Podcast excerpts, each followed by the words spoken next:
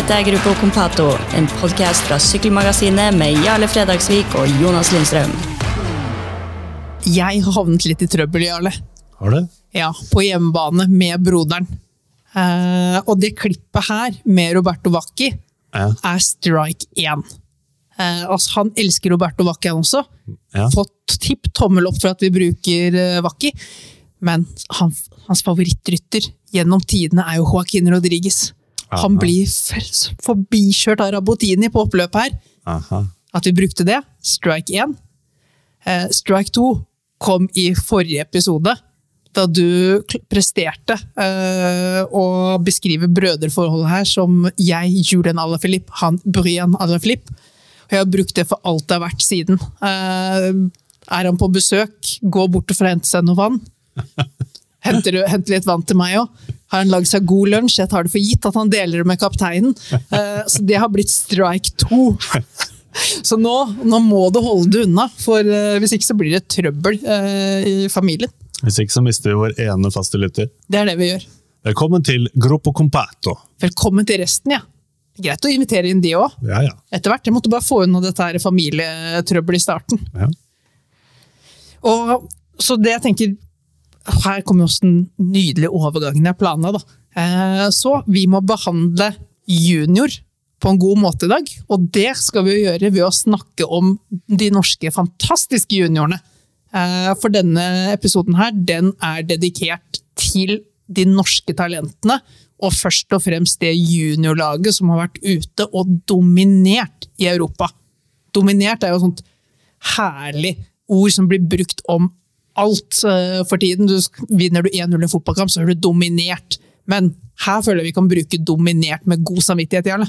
Og så deilig å se internasjonal eh, sykling i juniorklassen igjen. Altså det, Åh, så lenge siden sist. det, det er lenge siden sist. Altså, forrige gang eh, våre norske krigere var ute på kontinentet, var eh, VM i Yorkshire tilbake i 2019.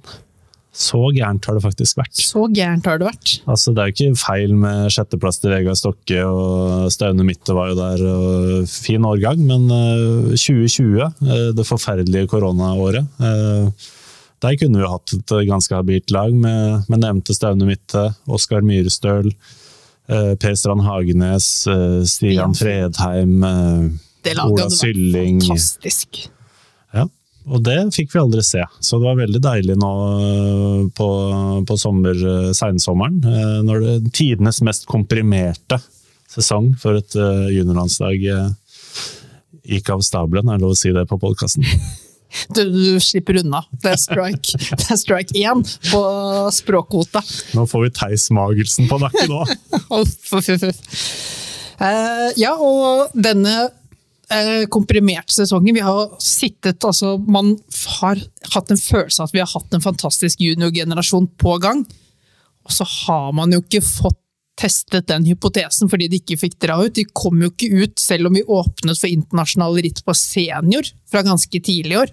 Så ble vi jo sittende her og vente til etter sommerferien før vi fikk eh, junioren ut. Eh, og da fikk de jo heldigvis på plass et ganske godt program, men det var jo ikke gitt, det heller.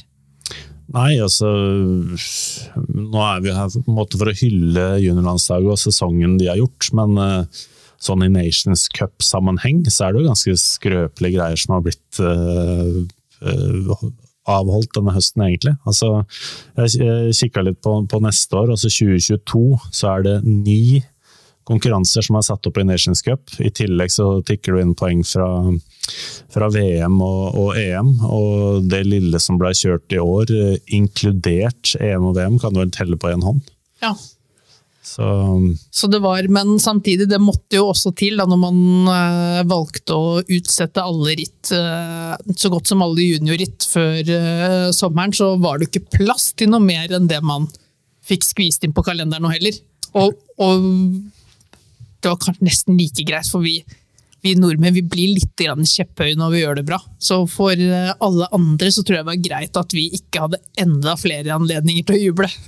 vi kan jo ta bare kjapt det som ikke ble noe av, da. eh, Som vanligvis er del av Nations Cup. Eh, Gent Wevelgem pleier å sparke det hele i gang. Og så har du Pays de Vaux i, i Sveits, som er et av et av de store. ja, eh, klatreritt, i hvert fall deler av det. Og så skulle vi hatt noe som heter Watersly Junior Challenge eh, i Nederland. Som det heller ikke ble noe av. Eh, Trofé Morbian i Frankrike pleier å gå i mai, har det ikke blitt noe av. Og så er det to sånne lureritt som ikke så veldig mange følger med på. Det er et i Canada, og så er det et i Sør-Korea, som faktisk er del av Nations Cup. Det stemmer, bare for å gjøre det litt dyrere å holde et juniorlag flytende. Og bare, Jeg skal ikke være for nølete her, men eh, da nordmennene først reiste ut, da, så hadde de egentlig planlagt Watersly i Nederland, og kombinere det med dette Obel-rittet som faktisk ble kjørt av nordmennene i Belgia, men som ikke er Nations Cup. Og de skulle ha en samling på belgisk jord, og de skulle innom Løven for å kikke på, på VM-løypa i starten av august. Eh, Siden rittet Nederland ikke ble noe av, så dro Norge likevel til eh, Obel-rittet i Belgia, men da var det via NTG på Kongsvinger. NTG Bærum, og så var det en liten kar fra Sandnes, da, Sandnes videregående skole, som fikk lov å bli med Per Strand Hagenes. Og så eh, dro eh, Kai Leksberg, landslagssjef, eh, kjørte den lange, lange veien ned til Ungarn eh, med følgebiler og lastebiler, og liksom gjorde alt klart til eh, starten av den superkorte Nations Cup-sesongen i 2020. Kan ikke vi, kan ikke vi bare koble på den store attraksjonen også, så gå igjennom sesongen med Per Strand Hagenes? Skal vi gjøre det? Vi gjør det. Over til Sandnes.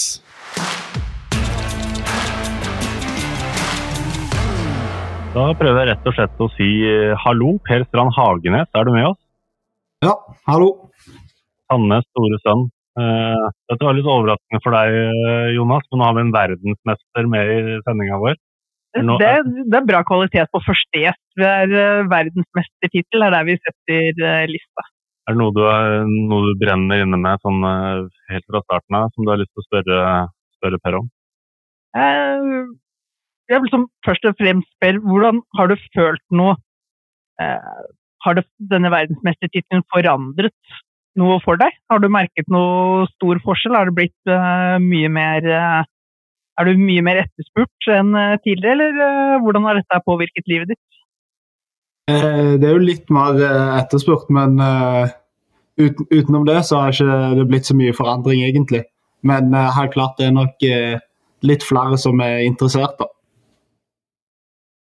Det var et godt poeng du hadde, Jonas. Vi hadde jo en, noen som hjalp meg på årstall. Oskar Svendsen. Når ble han verdensmester? Var det 2012? Husker ikke årstallet i Jeg Falkenburg, var det ikke det? Ja. Ja. Og, og i etterkant at han ble det, så ble det jo helvetes mye oppstyr, da, fordi han hadde bedre O2-opptak enn Bjørn Dæhlie. Uh, Ja, det var innsalget, det. Men han var vel, uh, var vel alpinist og ikke tidligere skiløper. Men jeg lurer på hva er O2-opptaket ditt, uh, Per Strandhagenes? Det er ikke sikkert det er så gærent. Kanskje vi kan selge deg inn til massemediene der? Ja, eh, det er faktisk det høyeste jeg har målt. Det er 78. Det var i fjor, fjor høst.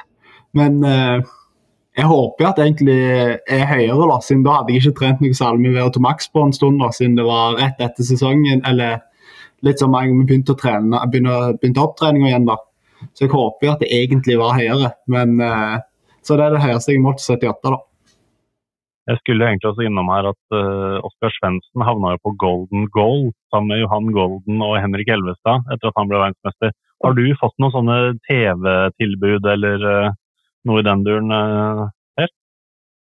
Nei, dette er vel det nærmeste. Oskar Så- Svendsen fikk golden goal, du fikk Grupo Compasso. Det er uh, anseelsen til norsk sykkel. Uh, hvis jeg sier noe om det, så er ikke dette et positivt tegn. Hva, hva, har du, hva har du gjort for å fornærme TV 2, må jeg nesten spørre. Nei, jeg, eh, jeg vet ikke, kanskje du ikke syns jeg var interessant, da, jeg vet ikke. Men nå var vi innom denne vintersatsinga. Altså, du, eh, det er jo ikke så lenge siden du var en av Norges beste langrennsløpere. Fortell litt om det. Eh, jeg drev jo på med, med langrenn mye pga. at eh, far var interessert i det, og søster og bror min hadde drevet på med, som begge er eldre. da. Uh, og da var det jo naturlig å, å drive på med ski sjøl og synes det var kjekt. Og så har jeg jo satsa ski da, for å prøve å gjøre det så bra som mulig der. Men så nå har jeg jo gått mer og mer over på sykkel, da. Du skal ikke tilbake til ski nå? Jeg tror eh, nå, nå, har jeg egentlig valgt å, å prøve å bli syklist, da. Eh, og det funka greit å kombinere når jeg var litt, eh, litt yngre, eh, men eh, nivået blir jo høyere på, på, begge deler. Så det blir bare vanskeligere og vanskeligere å gjøre det bra på begge, begge idretter, da. Det er jo faktisk en god del talenter som, som har valgt sykkel over langrenn de siste årene. Din framtidige lagkamerat Johannes Staune Mitte var jo også en av de som hadde muligheter begge steder, så sykkel virket å tiltrekke seg flere og flere av disse utholdenhetstalentene som kanskje langrennssporten snakka med tidligere? Jeg, eh, jeg vet ikke hvorfor det er. Jeg syns jo bare sykkel er, er kjekkere å drive på med eh, enn langrenn. Og det kan jo òg være litt med ja, Jeg vet egentlig ikke hvorfor, jeg bare syns det er kjekkere. og Det er nok det samme for eh, Johannes, da, siden han òg har valgt uh, sykkel. Men det er, det er, jo noen som uh, kjører en sånn veldig brå overgang fra én idrett til en annen, og plutselig bare er kjempegode. Typ sånn temposykling, da, f.eks. Men uh, du har holdt på med sykling ganske lenge, har du ikke det? Jo, jeg begynte i, i syvende klasse. og da altså var jeg første, Et av de første rittene mine var Sørlandet Petit Prix, og da var jeg jo tolv år gammel. Så jeg har holdt på nokså lenge. Så litt sånn uh, langrenn på vinteren og, og, sykkel på sommeren type opplegg? Ja, altså var det akkurat når jeg begynte på sykkel, så hadde jeg jo drevet på med svømming fra andre klasse, da. Men det, det slutta jeg med etter et, et halvt år med, med, sykkel, siden da ble det litt mye. Ja. Men vi er jo egentlig her i dag for å snakke litt om uh, årets sesong.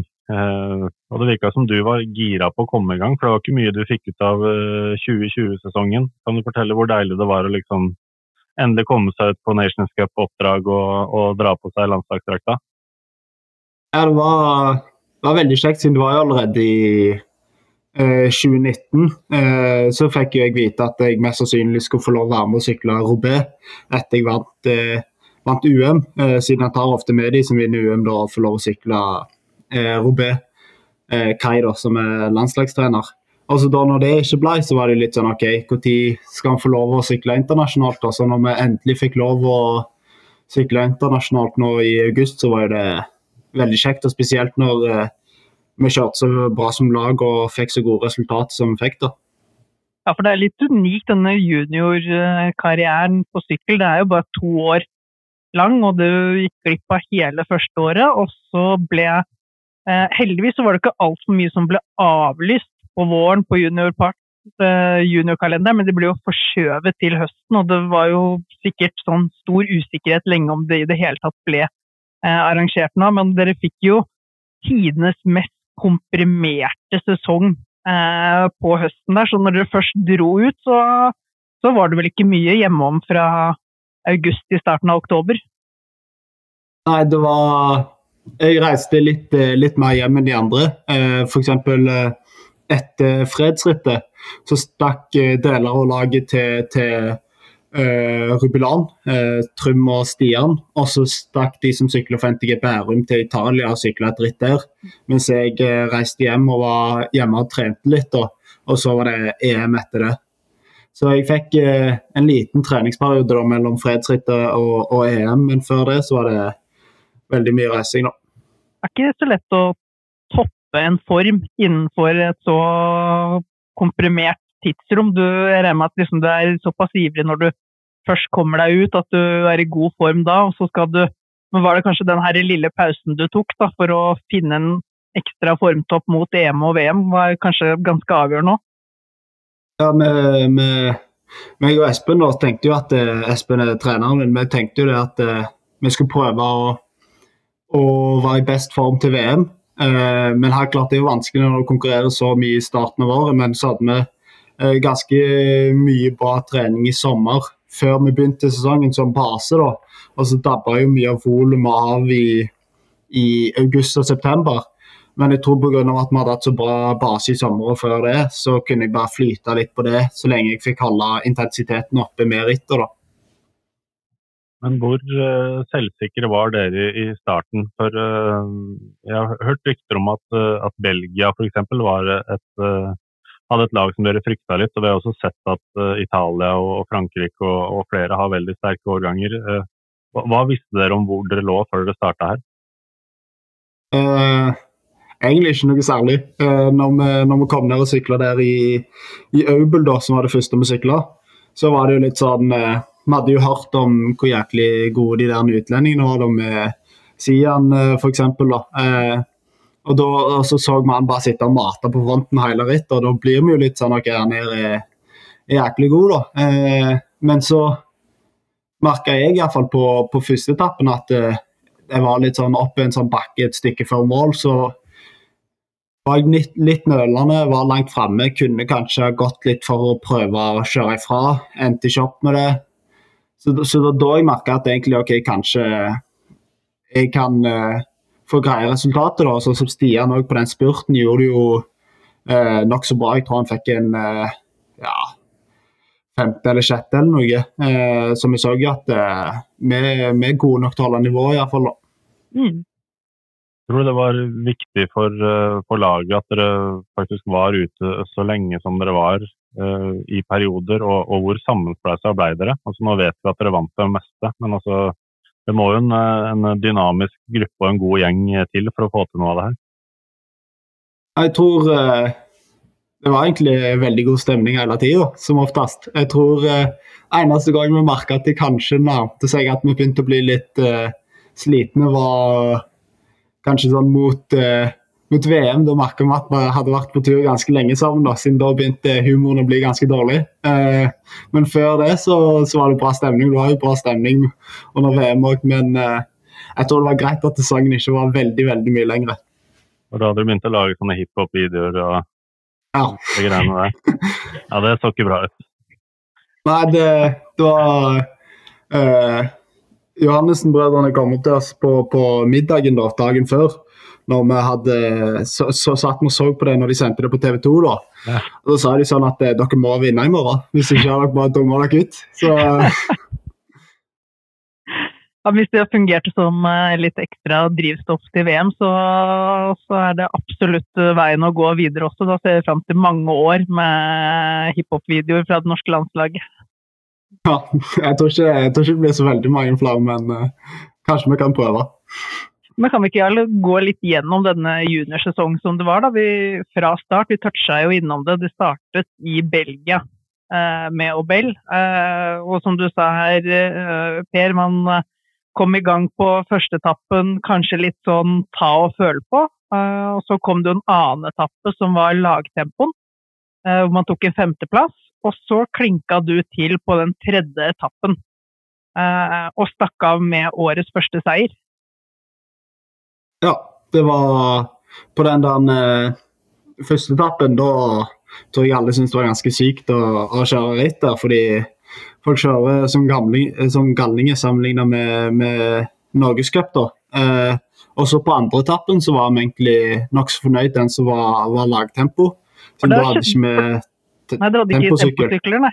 Stemmer det. Ja, vi kjørte, kjørte landeveissykkel, eh, så det var egentlig et bra resultat eh, for oss. Også på den 2B-etappen eh, som jeg vant, så hadde vi sett på løypa to dager før. og så eh, lagde vi en plan da at eh, hvis jeg kom inn i den bakken med felt, og så hadde Sebastian langt framme der, så skulle han ta et lite opptrekk. Eh, og så skulle jeg rykke og prøve. Det var jo veldig lang utforkjøring etterpå med sånn slak nedover og et stykke til mål. Så det skulle egentlig være ganske vanskelig å handle unna et felt da, eh, med juniorutveksling, men så, så, gikk det jo greit, da. Så er det en episode der som jeg har merka meg. Det tror jeg er på den siste etappen. Da har du noen tekniske problemer. og Da er det en annen ganske habil rytter, da. Stian Fredheim, som eh, hopper av sykkelen og begynner å ta av seg skoene sine. Hva er det som skjer der? Ja, Stian, han eh, Jeg kom jo Vi kjørte over brosteinspartiet, da. Og så hadde vi flydd med sykkelen, og så, da hadde vi fått eh, luft inn i bremsene. Så når vi kom over brosteinen, så endte det opp med at jeg ikke hadde verken forbrems eller bakbrems i det hele tatt. Så da måtte jeg jo stoppe og, og ta en annen sykkel. Ja. Men eh, Stian hadde ikke bakbrems lenger, så han også skulle bytte sykkel. da. Men så har, har jeg look-pedaler, mens alle andre har Shimano. Uh, og på reservesyklene så var det bare Shimano, da. Så da sa Stian at, uh, at jeg kunne få skoene hans. Og, og så tok jeg uh, reservesykkelen til Trym fra taket, da. Så da sykla jeg med veldig kort stem der. og Stian sine sko som var litt for store. Men det var jo veldig hyggelig av han, og så klarte vi å, å få andreplass i sammendraget, da. Ja, for da blir du nummer fire på etappen med for store sko og for liten sykkel og sikre andreplass sammenlagt. Og da må du vel begynne å tro på at hm, vi har eh, virkelig noe i dette selskapet å gjøre. Jeg, jeg syns det nesten var litt nettopp, siden jeg tenkte sånn Hvis jeg hadde hatt eh, hvis, hvis, jeg ikke hadde hatt det tekniske, da, sånn jeg hadde havna bakpå, så følte jeg at jeg kanskje kunne, kunne tatt seieren. da. Eh, men eh, det ga oss jo selvtillit inn mot eh, fredsrittet som kom noen uker etterpå. da. Mm. Neste stopp var vel Ungarn. Eh, og der ja, fortsetter dere det var... ja. ja. Det var to uker etterpå eller noe, tror jeg. Ja, stemmer bra. det. One belt, one race i Ungarn, hvor du, du tar, tar prologen, du tar siste etappen, og du tar sammenlagtseieren foran Stian Fredheim. Ja. Så da, der eh, der var det jo full pott. Ja, det var det var jo veldig sånn spurtritt, egentlig. Eh, første etappen så var en kort prolog. Der eh, vant jo jeg, og så var det en fra Luxembourg på ett sekund bak. Og så Stian fire sekunder bak der igjen. Eh, mm. og så var det en spurtetappe dagen etterpå. Der klarte Stian nesten å ta seieren, siden det var han som var spurteren vår. da. fikk en andreplass. Og så på 2B-etappen så hadde vi egentlig ganske bra opptrekk. Eller jeg sier det sjøl, jeg var jo opptrekker, da. Jeg var ganske fornøyd med jobben iallfall. Uh, men uh, så, så bomma vi litt på spurten, og så fikk Stian vel en femteplass eller noe. Uh, og så siste etappen så var det òg spurt, men det var vel litt kaos på noen sånne lokale runder. Så klarte jeg å snike meg unna og komme solo til mål, og Stian ta andreplass i spurten bak. Jeg har en liten historie der også. fordi Det er sånn, riktig som du sier at du går jo solo inn der og har en sånn liten, uh, liten luke til feltet som, som, jager bak. Og så går en velt der. Uh, og Da sitter jo landslagssjefen og, og gutta i følgebilen og hører 'Crash Norway'.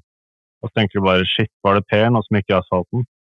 Uh, og Så kommer de seg forbi Deviation og kommer seg inn til selve målområdet. Da skjønner jo fort at du har vunnet, og så ser de Sebastian Kirkedam Larsen. Han har, uh, han har velta, han sitter sånn i knestående og jubler over norsk seier. så det var ikke så nøye med velten så lenge vi vant. Ja, det var det, det er en morsom historie, det. det. det. sier litt om hvor god, uh, hvor god lagspiller Sebastian er, da. og at han gjør alt for at eh, laget skal få best mulig resultat.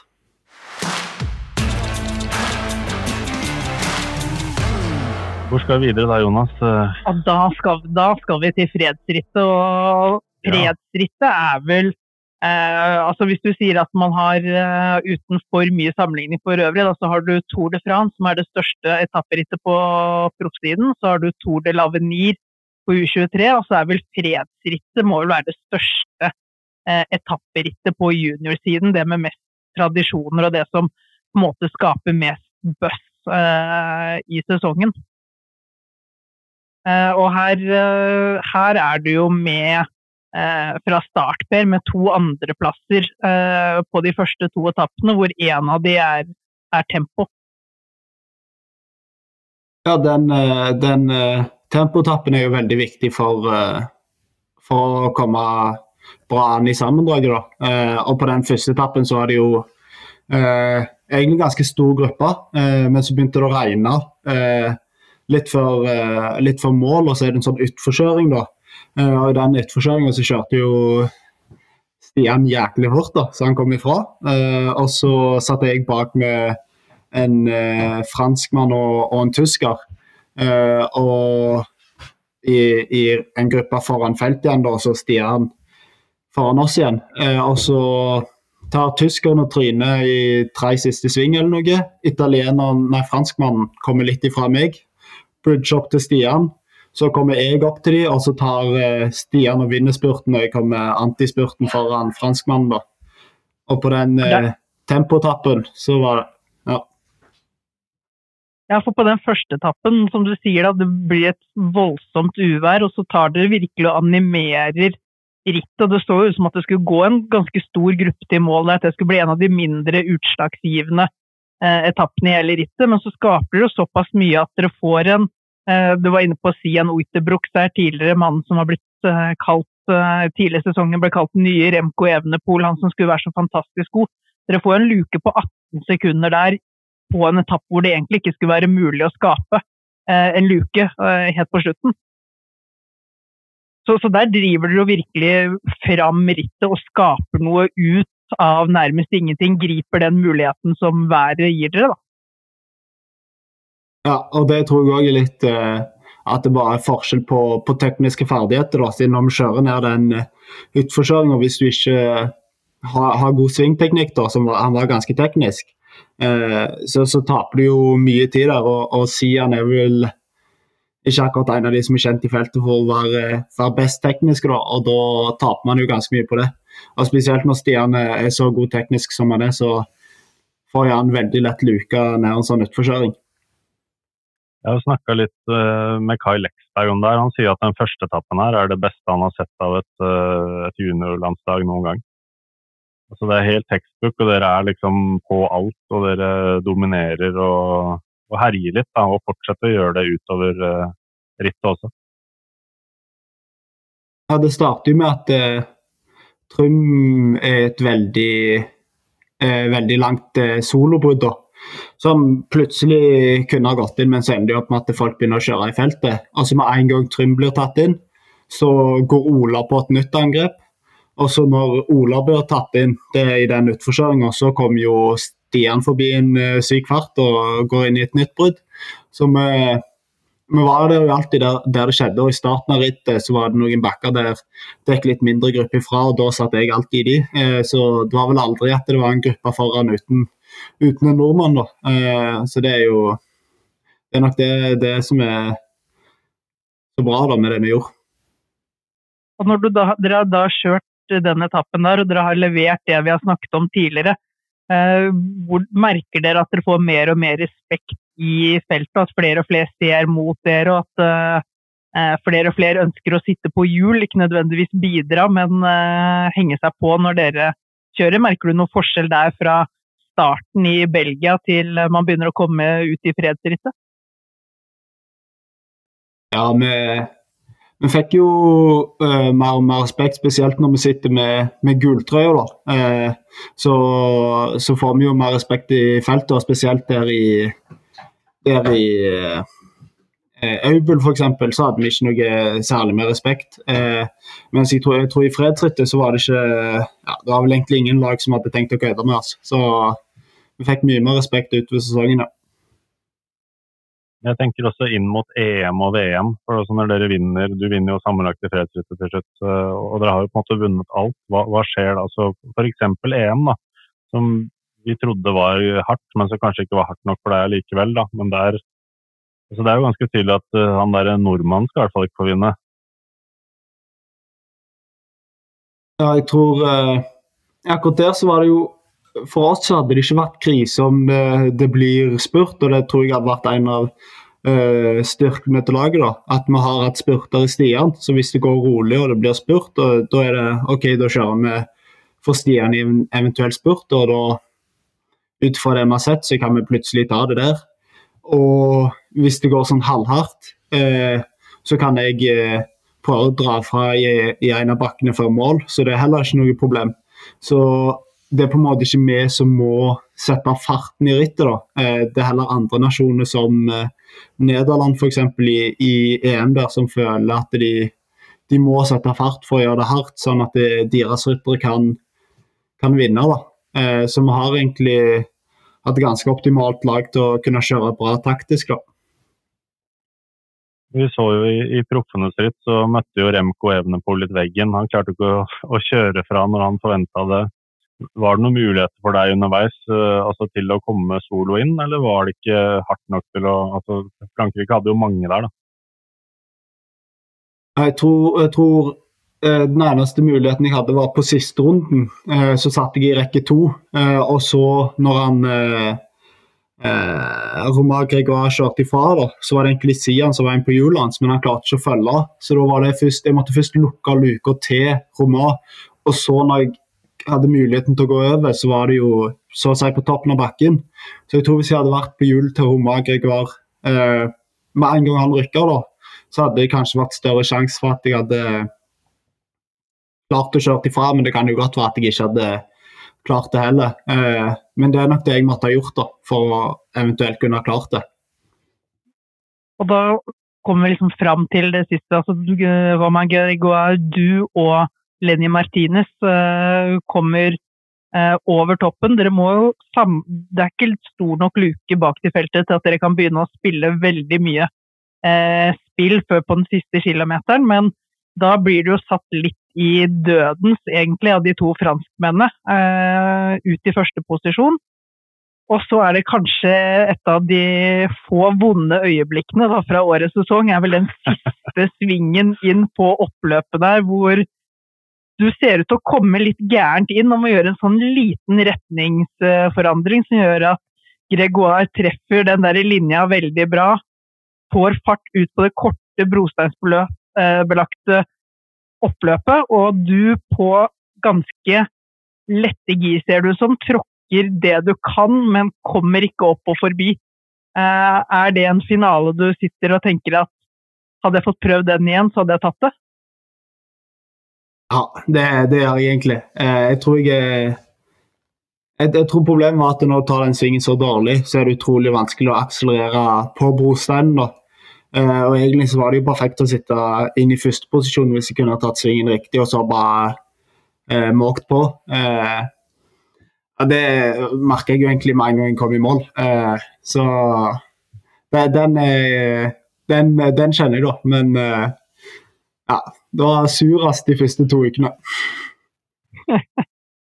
Vet du hva Per skal ha uttalt etterpå, Jonas? Nei. Nå kan det bare gå én vei i VM etter det her. Og da, da tenkte jeg at det skulle Ja, hva sa du? Ja, jeg, jeg, jeg, sa til Markus Olgaard siden eh, de skulle ut og ta rekon, da, eh, eller trene. Og så snakket vi om det, og sa jeg sånn på tull. Da kan du bare gå, gå opp fra her, iallfall. Så det var jo, jo på kødd, men uh... Kan kun gå bedre fra sølv. Og det, det, verste er at det var jo det de gjorde òg. Eh, for eh, neste post på programmet er jo VM. Og eh, første som er verdt å merke seg fra VM da, i mitt hode, Per, det er at du velger som en av få av de liksom, aller sterkeste i juniorklassen å droppe temporittet. Du har blitt nummer seks i EM, du har blitt nummer to i NM. Så velger du å stå over temporittet for å kjøre kun fellesstarten. Eh, hva var din tanke bak det valget? Jeg, følte jo egentlig at eh, jeg på en god dag kanskje kan få mellom, mellom ja, kanskje topp top 15, da. Eh, så vidt på en god dag. Jeg tror jo på VM da, så hadde, Hvis jeg hadde vært med konkurrert, så hadde jeg ikke vært bedre enn enn Trym Brendesæter. På NM så, så trådte han ganske mye mindre vatt enn det han gjorde på, på VM. der, Så jeg tror han hadde jeg tror han hadde slått meg, f.eks., så jeg tror en topp 15 hadde kanskje akkurat vært mulig. Eh, og da når jeg har i bakhodet at det kanskje er mulig med, med palle eller, eller, seier i VM, så, så, prioriterer jeg jo heller å kjøre det, da. Eh, og jeg følte ikke jeg hadde trent nok på temposykkelen til at det skulle være, være vits. Og da kommer vi jo til fellesstarten, og det er en fellesstart vi har store forhåpninger til eh, på norske vegne. Eh, vi tenker her har vi en bredde i laget. Vi skal være med å dominere mange potensielle vinnerkandidater. Og så går det jo egentlig over til å bli et ritt hvor laget veldig tidlig eh, går all in for deg. Man havner litt grann bakpå når en tremannsgruppe eh, går der. Det er vel Stian Fredheim tror jeg, som prøver å tette luka, men han er liksom de fem-ti sekundene unna eh, i starten, som gjør at det blir et jag i ettertid heller. Eh, og der, dermed så snur dette her fra å bli eh, det norske laget som kan spille ut det ene kortet etter det andre, sånn som man gjorde på førsteetappen i fredsrittet, og så blir det mer nå må vi gjøre det vi kan, samle dette her, gi Per en mulighet, og så så har du med deg Ola Sylling litt på slutten der òg, men du får en tre mil der hvor du må være veldig eh, taktisk smart. At du må vurdere alle brudd som går. og eh, Sånn som jeg ser det rittet, så, så, har du en veldig kaldhet og rolighet under rittet. Du sitter der og eh, slipper av gårde litt luker, se hvor uh, hvor lang tid de får, om det er noen som tar opp jakten før du eventuelt støter etter. Du går ikke på alt eh, mulig, men er veldig, uh, veldig kalkulerende der. hva går gjennom hodet ditt de siste tre milene før, før siste bakke hvor det klinker til, men hvor du må sitte der og prøve å ikke tape dette rittet på taktikk? da? Det på, når jeg skal ut på siste runden, da, så vet jeg jo at eh, nå har kjørt hele, hele laget kjørt for at, eh, for at, jeg skal kunne sitte i teten og rykke i, i siste bakke der, da, eh, på siste rute og så ta, ta, seieren. Så da er det jo det jeg prøver å få til. Eh, og jeg visste jo at det var den bakken der jeg budga meg opp til, til bruddet da, eh, på siste runden før, før den siste bakken. Så, så tenkte jeg at ok, hvis vi kommer inn i den bakken, og så bare drar jeg til eh, fra båten der da, eh, og ser om vi klarer å komme opp til bruddet bare i den ene bakken. Eh, og da klarer jeg jo, klarer jeg jo det egentlig. Det er bare Roma som henger på. Veldig upraktisk. Det er jo han som egentlig er den siste konkurrenten. da. Så, han tok det i EM. Ja, det er litt seigt å, å, å, se bak og se at det er han som sitter på hjulet og egentlig gjennom hele sesongen. Eh, på fredsritt òg, når jeg går for sånn og lært eh, ettminuttersrykk, så er han den eneste som har eh, akkurat klart å henge på. da. Så jeg frykta jo han egentlig at han skulle klare å holde i, i den siste bakken der. Eh, og så er det jo litt sånn at det, det blir litt luke i det, det bruddet vi har. Men da setter vi egentlig bare lukker det rolig her på front, og så er det jo tre, eh, tre av de syv rytterne er jo franskmenn. Så når jeg har samla alt, så, så, gjør jeg egentlig ikke noe mer jobb. Og de er jo stressa siden bruddet kommer rett, eh, kommer rett bak. Ja. Mm.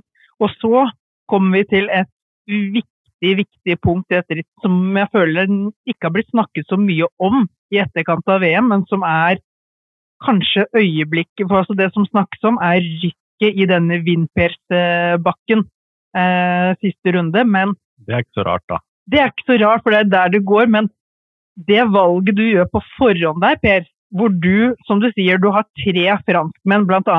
Roman Grégoire, eh, som slo deg i EM. Dere er ganske like på rykk i en bakke som dette her.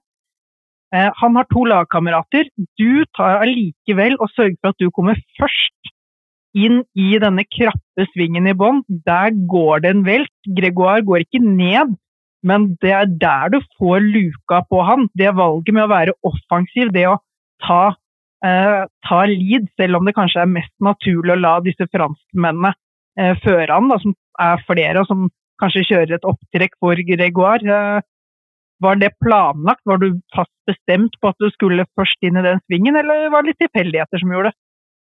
Jeg tenkte sånn eh, når jeg tok eh, Rekon og løypa, så for at det ikke skulle gå, så tenkte jeg at ok, enten så er jeg først eller annet inn i den svingen. Det det som er optimalt, da. Eh, siden du ser jo og hvis det ikke hadde gått velt, så når Romar legger seg sist, så blir det jo ganske trekkspill, da. Når jeg kan begynne å akselerere når han fortsatt er i svingen. Og, og sånn blir det jo meter av gratis. Eh, så jeg visste jo at det var planen. Og hvis jeg ikke hadde gått for å, for å rykke, men satt over på franskmennene, så kan det jo at de hadde valgt å ikke rykke, og så hadde det blitt eh, spurt. Og da hadde det vært litt mer i hendene på, på andre ryttere. Hvis de hadde starta med støtecup f.eks., så hadde det jo blitt eh, veldig vanskelig for meg. da. Jeg liker det der du sier om at du liksom kjenner på presset ut på siste runden, fordi nå har lagkameratene jobba så, så, bra for deg. Eh, det er deilig at du tenker litt sånn, og, og selvfølgelig skal man også gjøre det. Men uh, det er jo du som står alene på podiet der i regnbuetrøya etterpå. Uh, når skal du begynne å sende opp hele laget, på. Vi kunne jo hvis, hvis, det ikke hadde vært til Nations Cup etter, etter, VM, så hadde hele laget kommet opp, siden vi tok ikke Nations Cupen sammenlagt. Uh, men det er jo det som er litt merkelig med sykkel, at det, det, er både laget og én rytter som vinner, på en måte. Eh, alle de som eh, følger med på sykler og vet hvordan, hvordan, det virker, vet jo at det er laget som, som vinner. Eh, mens for de som kanskje ikke ser så mye på sykkel, ser det jo bare ut som det er en rytter som har, eh, har vunnet. da. Og det er jo nokså merkelig. Det er jo uten, uten laget så hadde jeg jo ikke kunnet, kunnet vunnet den dagen. Så det det er kanskje litt merkelig med sykkel, da. Det er jo en annen ting som jeg liker fra fellesstarten, eh, og det er jo han eh, Sebastian Kirkedam Larsen som går fram der når det må jobbes og han ikke er fornøyd med jobbinga, og kjefter og smeller og dirigerer med armene. Og hvis du skal være med og gå rundt her, så peller du deg unna. jeg syns det klippet er så fett. Han ja. ene som ikke går fram og tar sin tørn, han får tydelig beskjed enten så tar du den tørn, eller så kommer du, som du sier, langt, langt vekk. og det, og det, det må jeg si litt om. Eh, vi var inne på der, den standingen dere har i feltet, men også den selvtilliten dere må ha kjørt på dere som lag gjennom sesongen. og Det er jo sikkert summen av det vi ser på måten dere takler dette VM-rittet på. Jeg tror eh, bare, bare, det å stille opp eh, først på VM, da, og stå, stå, på den første rekka, er jo litt sånn boost. ok, Vi skal være, være, det beste laget. da, Vi, vi har kjørt best, og, og, det ser alle når vi, når vi står først der.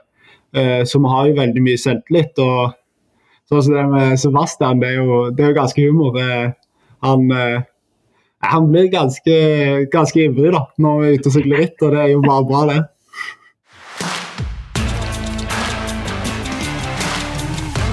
Jeg tror Hvis ikke du har noe mer på VM, så må vi spole litt framover, Jonas. Men vi, vi må jo til Paris-Roubais. Og sånn som jeg, for Der har vi bare sett den veldig tette spurten mellom det, i hvert fall det jeg har sett uh, på YouTube. Men sånn som jeg skjønner det, så er det litt sånn som i kvinnerittet. At du kommer til første brosteinspartiet, og så bang. Og da har jo selvfølgelig du, Per, og Stian Fredheim har klart å plassere dere helt foran der. Og så er det Belgia har med Alex Segart og Vlad van Mechelen. Og Romain Gregoire er selvfølgelig der òg. Også Martin Sverdtsjek fra Tsjekkia. Han tror jeg har gått til eh, Quickstep. Neste år eller en gang i framtida. Så det, det, er jo seks klasseryttere som, som, sliter seg løs der. Så tror jeg det er et par angrep fra deg underveis, eh, Per. Og så inn mot velodromen så er det egentlig du og Segard som ligger her. Segard ble jo tempo-europamester. Ja. ja.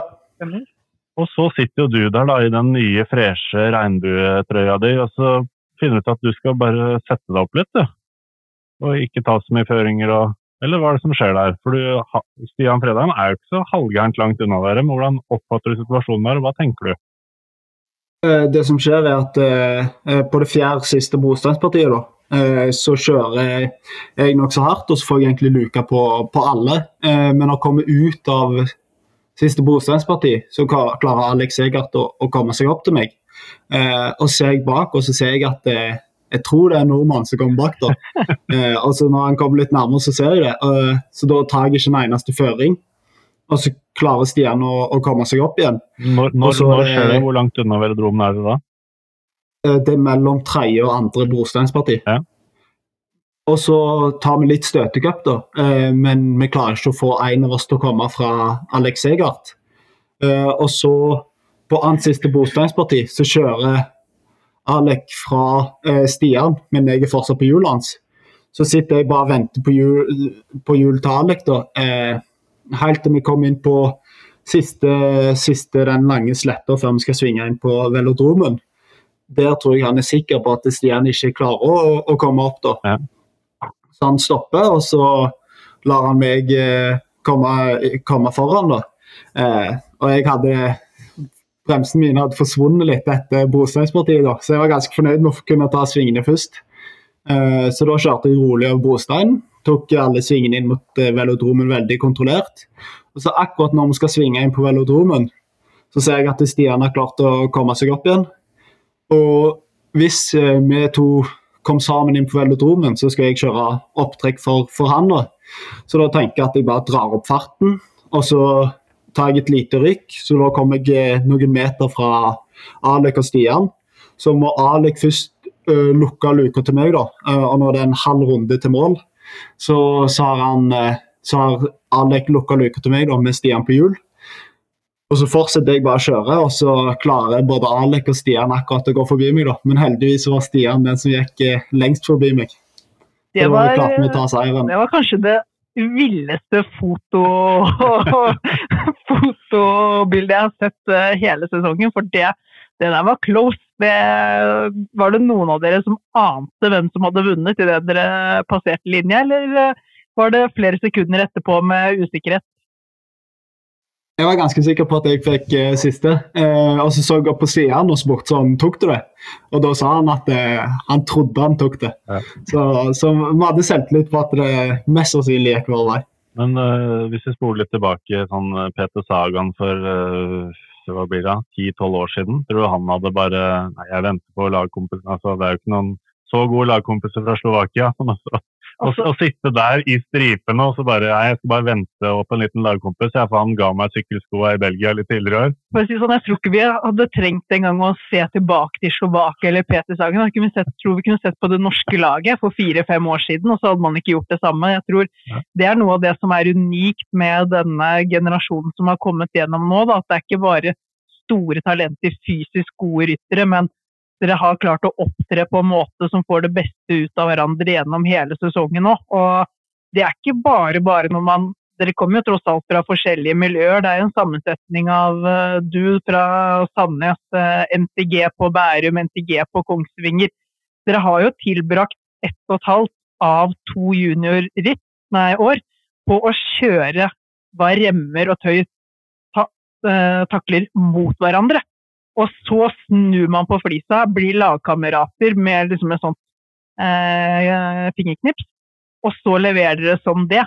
Eh, så det var, som du har vært inne på, med god stemning, det er eh, Jeg føler det er det som er virkelig unikt med den generasjonen her, som har tatt, gjort at man har liksom tatt rubbel og bit nærmest uh, utenlands, er jo at man har fått, fått det beste ut av hverandre.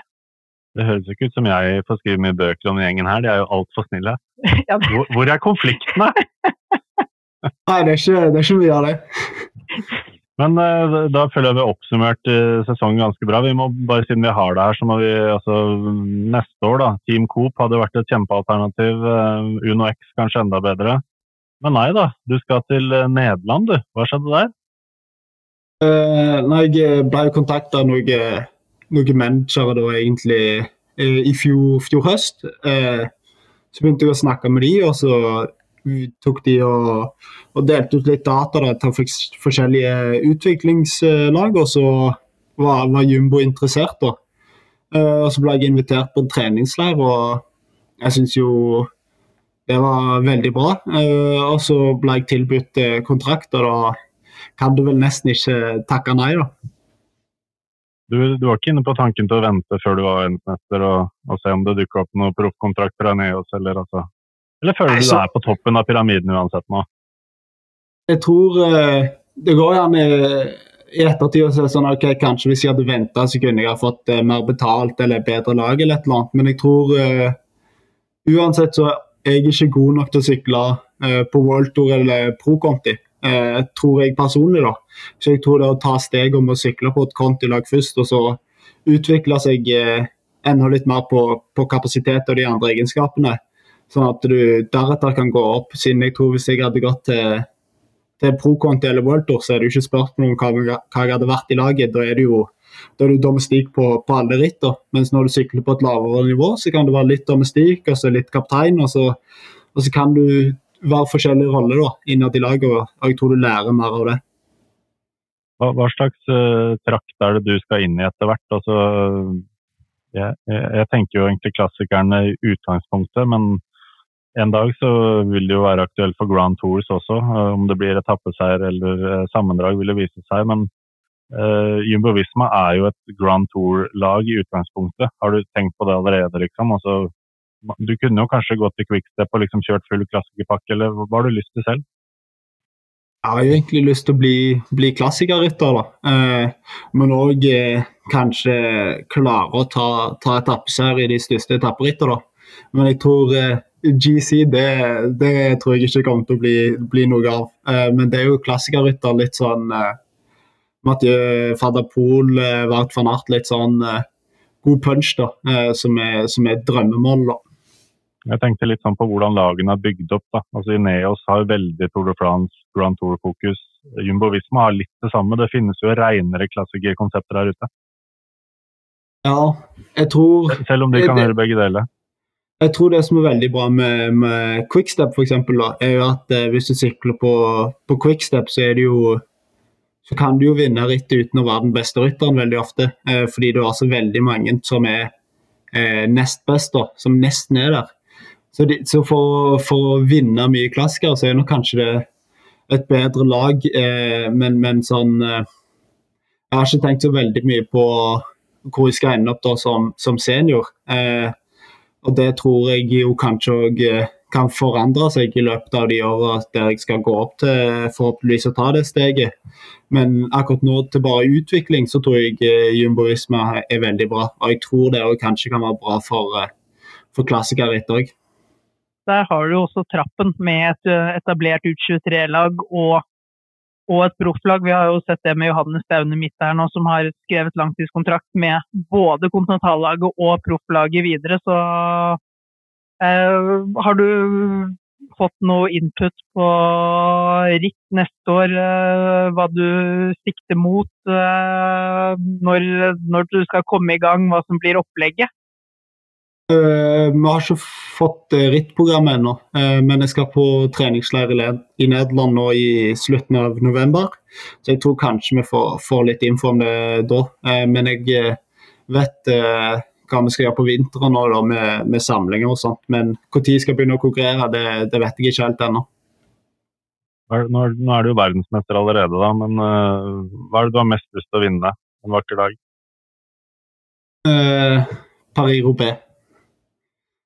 Paris-Roupais. Da må du ikke drive og surre sånn som du gjorde i år.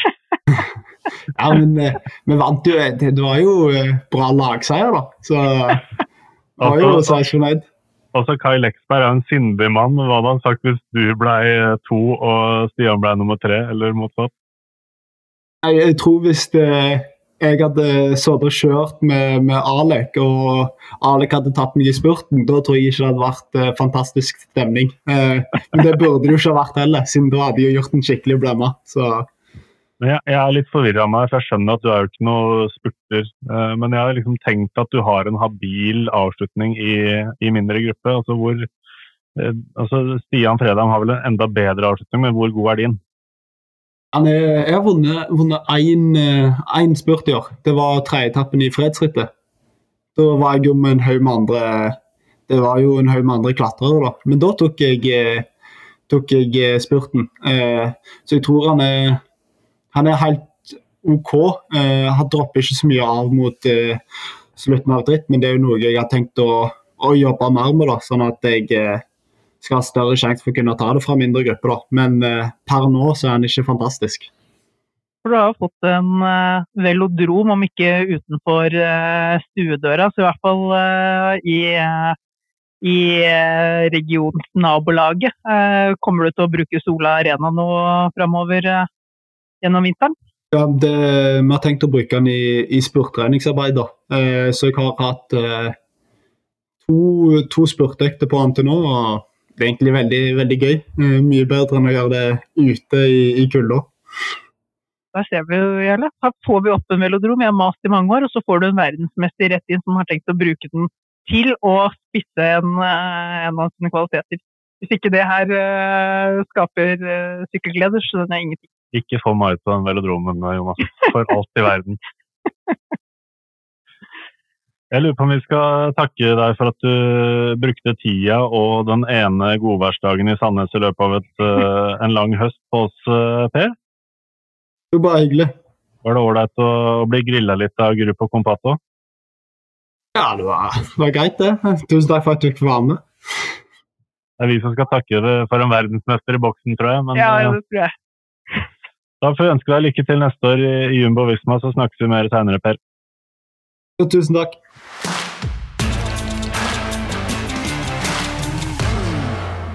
Så nydelig å ha en verdensmester på podden. Eh, og nå har vi fått kommet oss gjennom hele den sesongen. Vi har hørt litt fra Per også hva, hva som var disse suksesskriteriene. Eh, dette lagsamarbeidet. Eh, det at man ofrer seg for hverandre, bruker hverandres styrke. Eh, og, men hvor bra var dette laget her, Jarle? Altså, resultatene øh, snakker på mange måter for seg selv, men øh, som du var inne på, da, det er lett å bli historieløs her når vi har gått halvannet år uten øh, juniorritt. Hvordan sammenligner dette seg opp mot tidligere norske landslag? Dette kan jo være det beste vi har gjort noen gang. Sannsynligvis eh, vil jeg påstå at det er det. Hvis du skal finne én årgang som tåler sammenligninga, så er det gjengen som eh, dominerte på omtrent eh, samme måte fram mot VM i Bergen 2017. Men Den gylne 99-generasjonen med Leknesund, Idar Andersen, hadde Søren Wernskjold fra 2000-kullet, eh, som har hoppet på. Og da, altså Leknesund var jo the driving force, eh, og det har du gjerne i Nations Cup. Det er én rytter som er et par hakk bedre enn eh, de andre. Gjerne mye kraft i pedalene og kjører, kjører seg vekk når han vil. Eh, Altså, du kan peke på Leknesund, du kan snakke om Strand Hagenes i år kanskje, selv om også det var et veldig godt lag. Du kan selvfølgelig droppe Remco Evenepool, som, som vant Nations Han- Cup alene for Belgia et år. Han gjorde som han ville. Han stakk i første bakken, og så var det bare spørsmålet hvor mange minutter han vant med etter det. Ja. Og så kan du også ta Marco Brenner, eh, som også vant helt hinsides mye. Det var vel i, i 2019, eh, da Tyskland vant.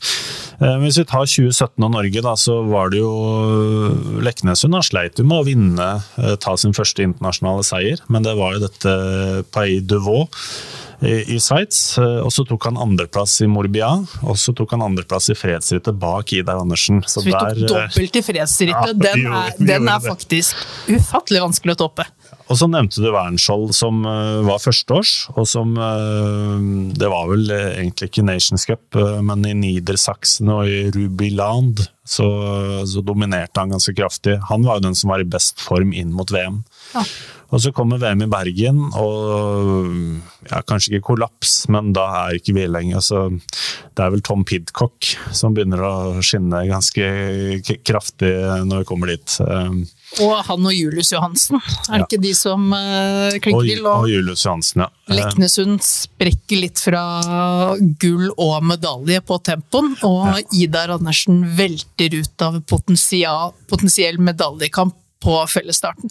Eh, Leknesund blir også europamester i tempo og norsk mester i eliteklassen, så han har jo en helt eh, strålende sesong. Eh, Men hvis du da tenker at den sesongen i år er veldig komprimert, da, og så tenker du at vårsesongen i 2017 var helt magisk, så vil jeg nesten stemme for uavgjort. Nei, den verdensmestertittelen må vel toppe. Det er vel det som dytter det. Verdensmestertittel og Paris-Roubais, det er jo de to store endagsrittene, for den 99-generasjonen tok jo etapperittene, og jeg vil si at kanskje var enda litt bedre enn årets generasjon i etapperittene, men på endagsrittene så har det jo virkelig dominert. Ja, jeg er ikke uenig i det, men hvis jeg skal kødde litt med huet ditt, da. eh, Hvor mye poeng i Nations Cup får du for å bli verdensmester? Det må du, sånn kan du ikke spørre om, aner ikke. 20 poeng. Hvor mye, mye, får, du for å, 20 mye, mye får du for å vinne One Belt, One Road Juniors i Ungarn sammenlagt? Da burde du få maks fem poeng hvis verdensmestertittelen er 20. Du får 30. Ok, så igjen, vi kan ikke gå ut ifra en ranking for å gjøre noe kåring her. Men husker du hvem som ble nummer to bak Norge i 2017, da vi dominerte hele veien fram til Bergen og faktisk vant Nations Cup for første gang? Kan det fort gjort ha vært Danmark, da? Nei, det var Kasakhstan. Kasakhstan, nest beste lag. Ok, Så det, det betyr at det er ikke en selvfølge at denne gullgenerasjonen vår på juniorsiden blir fantastiske seniorryttere. Neida, men da jeg så det, så tenkte jeg faen om jeg går inn på de gutta her, og så har We Know Forever noe helt sykt på gang sånn, som begynner å smelle om et par-tre år, eller hva skjedde her? Men eh, det Kasakhstan gjorde da, var at de tok den lange turen til Sør-Korea. De tok turen Og der ble de, eh, av de seks eh, beste sammenlagt, så hadde de fem av de. Og etter det året her så måtte de gjøre om på reglene, for nå er det sånn at hvis eh, Strand Hagenes vinner, da, og så blir Fredheim nummer to, så er det bare Strand Hagenes som plukker poeng. Ja, du akkumulerer ikke opp alle Nei. plasseringer. Så, og, og, og, Kasakhstan ødela systemet. Ja. Knakk systemet. og en annen litt sånn nerdete uh, fact som jeg har funnet, da. Uh, vet du hvor mange land som har vunnet Nation Cup uh, siden 2009, når det starta? Nei, jeg vil tro Norge har jo da tatt den. Jeg vil tro at eh, Belgia, eller MK Evenepool, vant vel den eh, alene. Og så har du hatt Danmark, vil jeg tro, og så kanskje du legger på Frankrike eller sånt. En fire nasjoner. Ja. Nei, altså det er ganske få, men det er Norge, Danmark, Tyskland, Belgia, USA og Frankrike. Er Ja. de eneste som har vunnet fra 2009 til 2021. Og det er jo ikke fordi vi har vært sånn vilt dominerende hvert år, men det er også noen sånne rare faktorer som slår ut da. For eksempel så drar jo Frankrike ofte og konkurrerer Canada, for det er også et dritt. Og hvis nesten ingen andre er der, så drar jo franskmennene, har franskmennene dratt inn mye poeng der, da. Og selvfølgelig også USA. Plukker jo mye poeng der. Og USA har hatt noen veldig gode juniorårganger også. Magnus Sheffield og Queen Simmons sammen eh, var vel det året de tok, tok den eh, rankingen der. Ja. Men eh, da har ikke jeg noe mer sånne fun facts fra Nations Cup å komme med. Men eh, da vet du litt hvor landet ligger. Eh, Vi har vunnet to ganger, altså i år og 2017. Og det er ikke dødt løp, for vi har verdensmester i år, men det er de to beste årgangene vi har hatt i juniorklassen noensinne. Og vi har pratet litt med folk i miljøet nå, før vi lagde denne podkasten her, for å finne litt ut hvorfor har vi kommet dit vi har kommet. Og noe av det som går igjen her, da, er at det føles veldig ut som at vi kanskje har gått fra en litt usunn intern konkurranse til en sunn intern konkurranse. Altså Tidligere så har man konkurrert nærmest i styrerommene mellom klubbene. Eh, mellom eh, kontinentallag på Vestlandet og Østlandet. Eh, eh, ryttere har nærmest blitt shamet om de har søkt seg til andre miljøer for å bli bedre. Eh, vi vet best, vi skal konkurrere der. Det har vært holdningen tidligere. Og så har jeg hørt liksom, det er en del folk, en del nøkkelfolk i miljøet. den En Espen Åreskjold eh, som kommer og banker på dørene. Spør og graver i alle miljøer. Han bryr seg ikke om du holder til eh, i Bærum, i Kongsvinger, oppe i nord, hvor enn du er. Han er interessert i å samle fakta. Eh, Lars Holm på Bærum, eh, åpne dører. Eh, NTG Kongsvinger åpner dørene sine. NTG har jo en Tom Pedersen der som eh, er ansatt i en rolle som gjør at han er én uke i NTG Bærum, én uke i NTG Kongsvinger og én uke på NTG Lillehammer. På den måten så koordinerer de hvordan de gjør, får opp kommunikasjonslinjene og samarbeider. Så jeg føler at der man har gått fra å konkurrere på veien og utenfor eh, landeveien, så har man nå dannet et kollegialt samarbeid da, eh, utenfor, eh, på, liksom på ledernivå. Og så tar syklistene og konkurrerer på en eh, Altså, de konkurrerer ordentlig mot hverandre, men på en vennskapelig måte. da, Ut på veien. Som gjør at de klarer å samarbeide ute på landslagsoppdrag. Jeg er litt spent på den norske pyramiden, for nå er liksom eh, fundamentet i bunnen er jo NTG, og jeg tror det er ni forskjellige linjer i Norge som har uh, sykkeltrener, og som har liksom ja, toppidrett, valgfag, og du kan velge sykkel. Da. Eh, så, så det der ser ut som det fungerer veldig bra. Og så spilles jo ballen over til klubbmiljøene for noen av de. Og så har du dette steget videre til Coop og til Uno X. Og både Coop og Uno X har hatt veldig gode sesonger i år. Eh, og hvis du da legger til denne flommen av gode norske juniorer, så vil jeg si at eh, norske ryttere har jo kanskje ikke vært så ettertrakta i utlandet som de er akkurat nå, fordi det er liksom suksess over hele linja. Eh, Men så får vi også se da, om denne strukturen er, er stabil nok over tid. Hvis noen brikker skulle falle fra, Hva skjer da? De som ikke blir plukka på kontilag, får de godt nok tilbud i, i klubblagene? Og, og, er dette og så Ser du på fem år tilbake, da, både juniorklassen og 23-klassen, så er jo Norge en sykkelstormakt. Altså det kommer bølge på bølge med norske juniorer. Ikke hvert år er like vast, men det er jo en toårsperiode på junior og en fireårsperiode på, på U23. Og oftere og oftere så er vi der i de store rittene når det skal avgjøres. Og det får jo selvfølgelig større profflag, og de som er eh, gira på morgendagens talenter, de får med seg det her når vi begynner å briljere i Nations Cup og, og gjør de tingene som vi gjør. Så det ser bra ut nå, så vi håper at det holder seg sånn over tid. Ja, det er det å ta, ta vare på det, og det er det jeg føler at man har disse skolene her, da, som er et sånt veldig Er du en lovende 12-13-åring, og med lovende så snakker jeg liksom om du har du ambisjoner om å lykkes, og et talent for trening, eh, drivende ønske om det, så har du de her inngangen til skolen som er veldig naturlig, sikte seg mot der. Der har du en trygg eh, opplevelse i tre år. Og så er det den usikkerheten som venter på andre siden der. Eh, Uno X, det store målet for mange, eh, som gjør at de føler at World og Tour de France da, er nærmere enn noensinne. Mm. Og så er det nok mange som også får kjenne på at oi, men du kan være en ekstremt god juniorsyklist, og allikevel så er ikke dørene åpne, åpne hos UnoX, for det er ikke plass. Uh, og da er det om å gjøre å klare å ta vare på de. Uh, styrke klubbmiljøer, bygge opp nye kontinentallag, hva enn det er. Jeg tror på en måte klare å ta unna et økning av volum av talent, for det er eh, alltids greit å ha en bredde. Å ha én og to stjerner er veldig bra, men da bør du veldig avhengig av at de faktisk får det til også. Hvis man har en bredde av store talenter som man klarer å ta vare på, da er jo sannsynligheten for at vi også får opp en ener på seniornivå veldig stor. Og så er det jo ikke sånn at vi nå har begynt å produsere sykkelryttere over natta. Altså De som kommer opp nå, de har jo sittet og sett på Boasen Hagen og Kristoff og vunnet mm. liksom Flandern rundt og Milano Sanremo. Jeg regner med at uh, Per Strand Hagenes fulgte med på det når han var uh, i, i, den rette alderen. Uh, og Så får vi se hvordan, hvordan, det fortsetter og hvor lenge vi klarer å, å produsere disse. Og så skal vi huske på at det vi er ganske gode på i Norge, det er utholdenhetsidretter. Vi har ganske stolte tradisjoner innenfor skøyter, langrenn, skiskyting. Eh, så det her kan vi. Flere av disse hopper over på sykkel, fordi der har Norge framgang, og det er kult, liksom. Og det harmonerer ganske godt med type langrennstrening eh, og den biten der.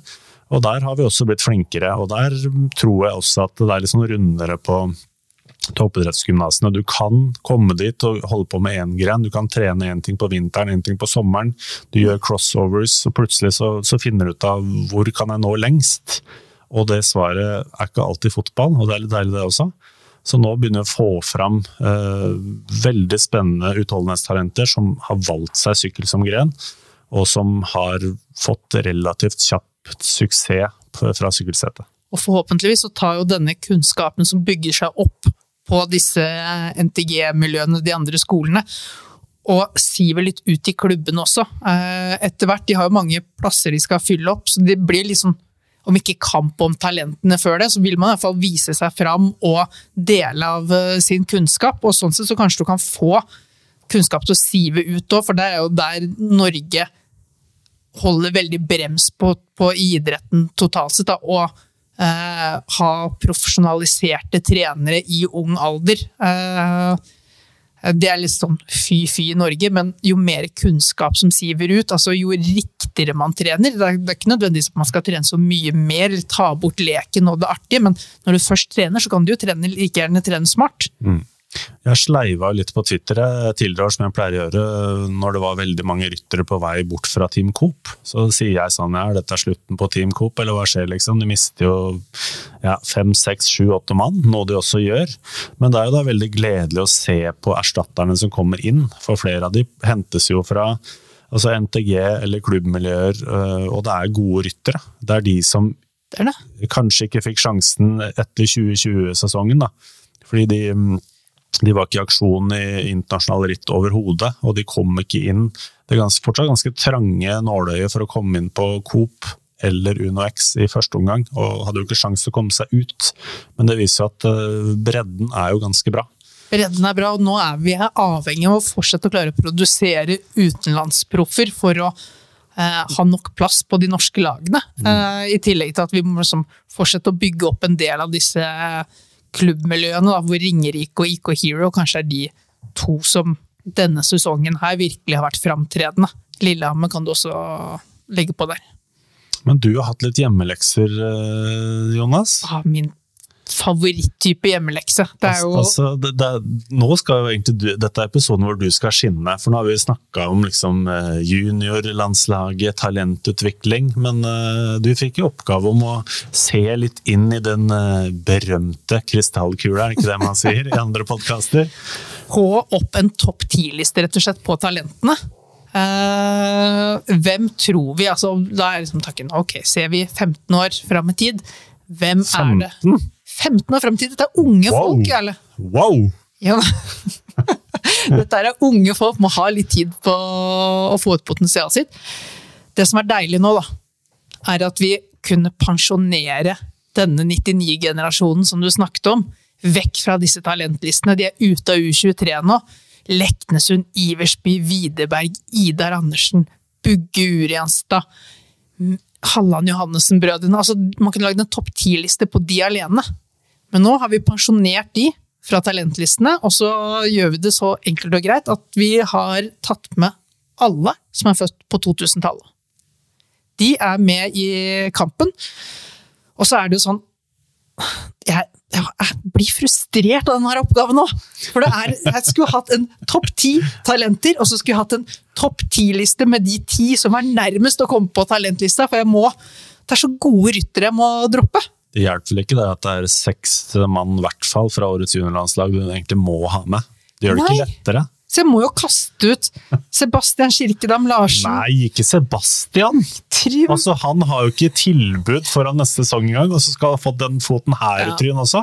Hva har Sebastian nok jeg? Han er jo framme og dirigerer feltet og bare Er du ikke med og jobber her, så pell deg vekk! Jeg elsker Sebastian han er jo som skapt for World Tour. Ja, helt enig.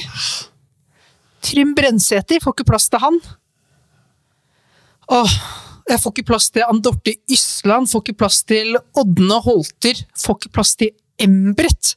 Jarle, jeg får ikke plass til Embret! Det er bra. Sverstad Borsing. Åh. Nei, så det har vært en tøff, tøff kamp å kutte dette her ned til ti, men uh, vi har lista.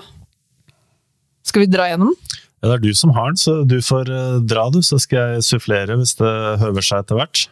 Er det, er det noe rangering her, eller er det bare Selvsagt. Alltid rangering. Det er så feigt å ikke kjøre rangering. Okay. Ja, det er ordentlig balleløst. Eh, Starter du bunnen, da? begynner på bunn. Okay. Pleier, på sånne lister så pleier jeg å like å starte med en overraskelse på tiendeplass. Men her har jeg gått helt motsatt retning.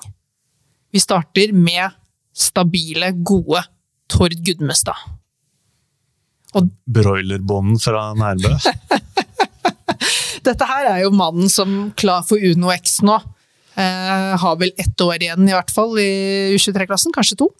Eh, levert resultater. Tre UCI-seier i år. Vunnet eh, norgesmesterskap i gateritt. Vunnet eh, U23-norgesmestertittelen. Mange ville nok hatt den enda høyere opp på en liste som dette her. Eh, han har X-faktoren i spurtene. På sitt beste så er han bra kjøresterk også, men det er der jeg mangler mest på han. Da. Det er der jeg håper han klarer å ta stegene de neste årene. At han klarer å få stabil og god eh, økning i den basen, sånn at han er med og spurter også i de beste rittene. For det er jo ikke til å komme bort fra at når du vinner i Rådos og du vinner i Polen, så er det fortsatt et godt stykke unna å kjempe om eh, seierne i worldtouren. Og ser man i Tour of Norway, ser man i Arctic eh, Race, når ikke helt opp der, men det er neste steget for han. da.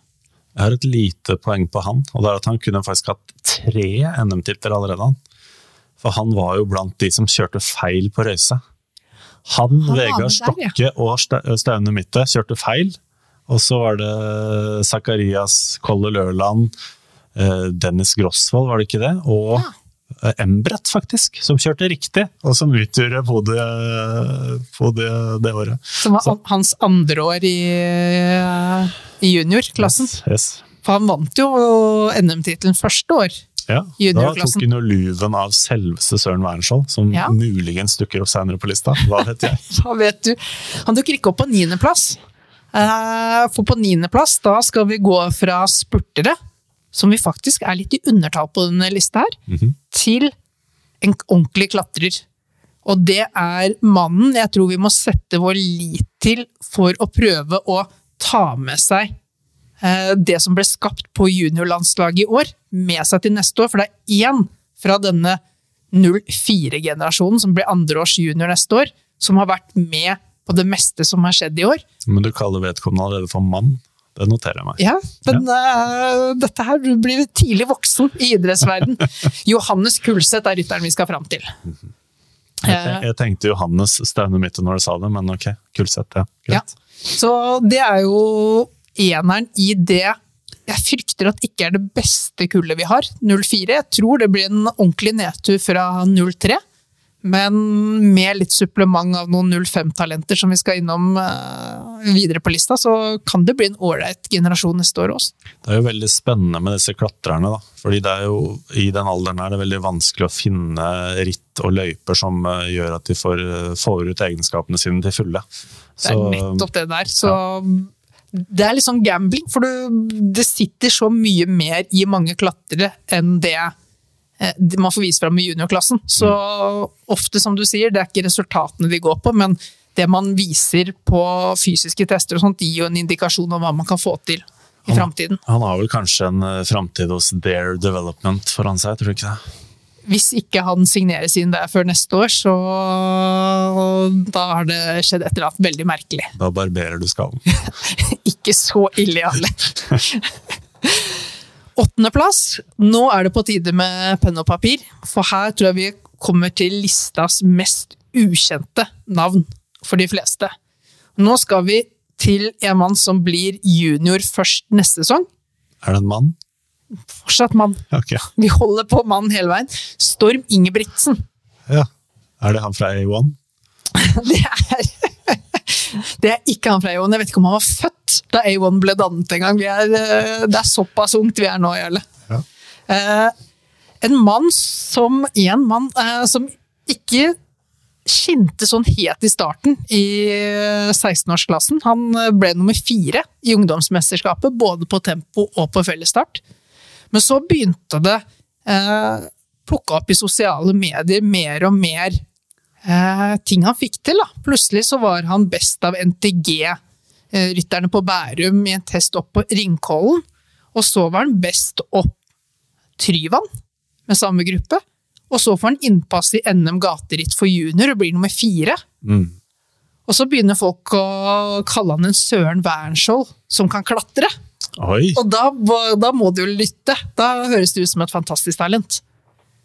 Så dette er en person som har tatt steget veldig gjennom årets sesong og kommet ut som en av de mest spennende fra 16-årskullet. Kan tydeligvis veldig mye, så får vi se om han klarer å følge det opp i juniorklassen. Jeg liker jo det der med dispensasjoner, at du faktisk får lov å, å kjøre i juniorklassen litt før du skal. Og det, Ja. det hender jo at man slipper gjennom der. Jeg syns egentlig det er en bra ting. Ja, det er blitt litt mer åpent nå i koronaårene. Jeg håper de holder det åpent. Det skal ikke være sånn at 16-åringer presser ut juniorer som ikke får stille, det syns jeg ikke. Men hvis det er plass i juniorfeltet, ta gjerne med 16-åringene på noen ritt. Eh, Ha en regel om at de kan kjøre så og så mange Norgescup, f.eks. Mm. Kjempegod idé. Skal vi på sjuendeplass på lista? Ja. Da skal vi til en rytter som Det eneste jeg visste, var at han skulle på lista. Hvor han skulle, helt umulig å si.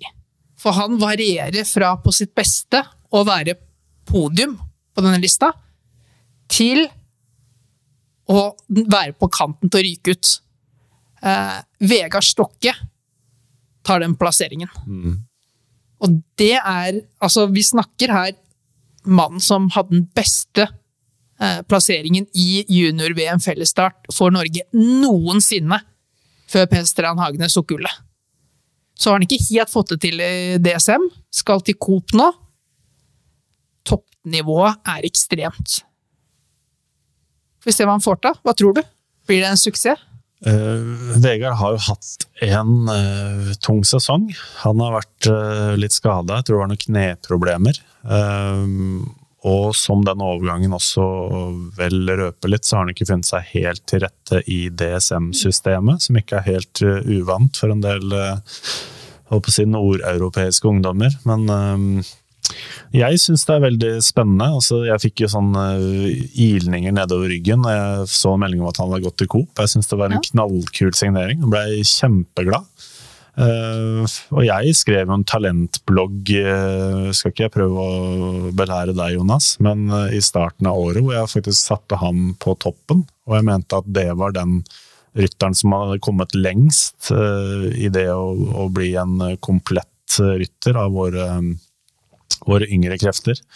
Men han har ikke fått veldig mange muligheter til å vise fram eh, det i år, så jeg er helt enig. Han, han skal definitivt på en sånn liste. Han kan bli knallgod om ti år.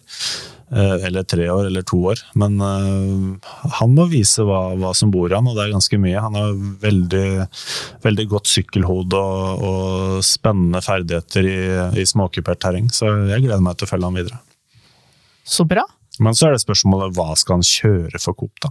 Altså, Men jeg tror han passer litt inn i rittprogrammet til Coop. Det er mye eh, belgiske, franske ritt, eh, sidevind, småkupert. eh, Ja. Har en vass avslutning. Jeg tror, det, jeg tror han passer bra inn der, jeg. Mm. Absolutt en kandidat for å ta steget ut igjen. Kanskje allerede etter neste sesong, hvis han får full klaff.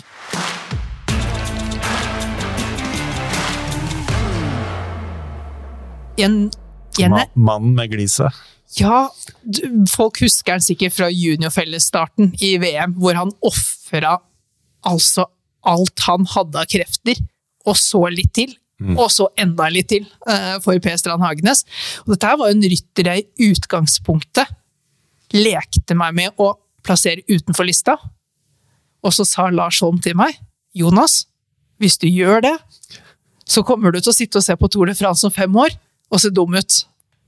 Og det er jeg ikke interessert i. Da- Så da Ola Sylling inn da- på lista. Da kan jo broren din sitte i sofaen ved siden av seg. Hva er det jeg sa? Du skulle hatt med Sylling. Hold kjeft, Brian, hadde jeg sagt. Eh, for det som er med Ola Sylling, da, det er igjen, vi er tilbake til samme som med Johannes Kulseth. Dette er en klatrer.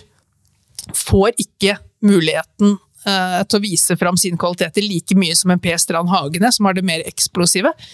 Men det her er altså en så arbeidsjern av dimensjoner. Det er en mann som lever toppidrettslivet som om det er den mest naturlige ting i verden. Pushe grenser, må holdes igjen. Det her er the real deal. Ola Sylling. Eh. Klatreritt framover. Eh, Grand Tours. Gleder meg. Ja. Femteplass. Mhm. Inn på topp fem nå. Og det, det er jo for gærent at denne mannen er helt nede på femteplass. Og nå kan jeg bruke mann med god samvittighet, Jarle, for nå skal vi fram til Søren Wernskjold. Okay. Og dette her er jo dette er en rytter som tar sølvet i U23-EM på tempo. Fjerdeplass i U23-VM på tempo. Vinner to etapper i eh, Tour de l'Avenir. Vinner prologen i fredsrittet. Og som kunne sykla for uh, Grop Hva heter de? Intermarché Vanti. Vanti Grop Gobert, eller? Ja, Ja, så det det, blir for mye. ja, så det er jo det mest ferdige produktet på denne lista. Men uh, altså Det jeg savner her, da Jeg bare venter på at Søren Wærsvold skal ta steget ut og levere skikkelig i ritt som ikke er U23 òg. Jeg føler han er der. Jeg, jeg, jeg håper det kommer neste år. Jeg hå så sitter jeg På én side så håper jeg at de nærmest dropper U23-sesongen for hans del, for han er litt for god for U23. Ja. Samtidig så vet vi at hvis vi skal Mye av Tour de l'Avenir-suksessen vår er bygget på veldig gode lagtempoer de siste utgavene.